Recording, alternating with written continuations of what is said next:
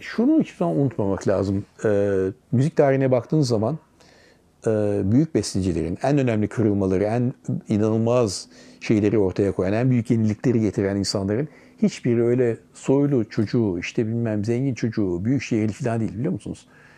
Ee, büyük çoğunluğu çok fakir köylü çocukları. Ee, insanlar klasik müzikten böyle bir elit bir şey diye bahsederken e, bir Mozart'ın, Haydn'ın, Dvorak'ın, Mahler'in, Tchaikovsky'nin nereden geldiğini düşünmeleri lazım. Bunların aralarında gerçekten şiirli olan çok çok az, e, zengin ve soylu çocuğu olan da yok gibi. E, bu gerçekten tabii Avrupa'nın e, işte Hristiyan Batı ve Doğu Orta Avrupa'nın e, fikir hayatında bir çok sesliliğin zaten olduğunu biliyoruz. Mesela Anthony Dvorak gibi yani 19. yüzyılın en büyük bestecilerinden biri bir köy kasabının oğlu. Ama o köyde kilise var. Kilisede çok sesli müzik var. Belli bir donanıma sahip olma imkanı var filan. Fakat bunu elite yani 19. yüzyılın sonlarına kadar aslında e, büyük bestecilerin bazen asilzadelerden, bazen kiliseden, bazen onlara hamilik eden bir takım varlıklı insanların onlara bir takım imkanlar sağlamalarıyla e, hayatlarını geçirdik, geç, geçindirdiklerini unutmamamız lazım.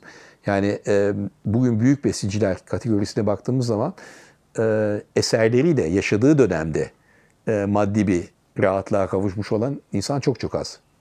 Verdi belki. E, Stravinsky 60 yaşından sonra e, yani 20. yüzyılın en büyük bestecisi 60 yaşlarına kadar maddi sıkıntı içinde yaşadı.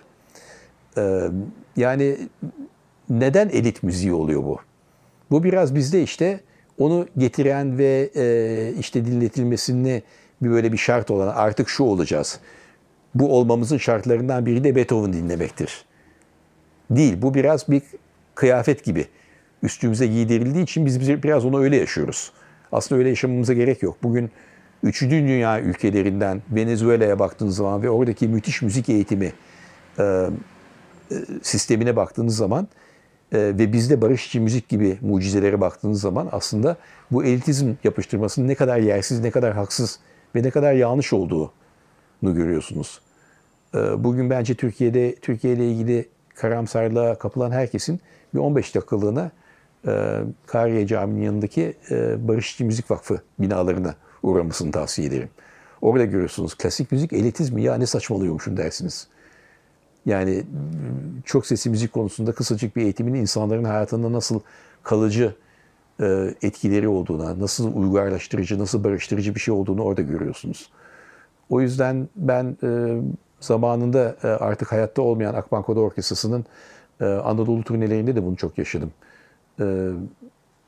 İnsanlara ne kadar kolay ulaşabileceğiniz, iyi bir şeyi, zor bir şeyi iyi yapmak için gayret gösterdiğiniz zaman bunun insanların paylaşabileceği, bunun insanlarla paylaşılabileceği, illa öyle İstanbullu işte çok batılı evinde klasik müzik çalan ailenin çocuğu olmak gerekmediği, bunun hayatının zenginleşmesine, derinleşmesine izin vermek için.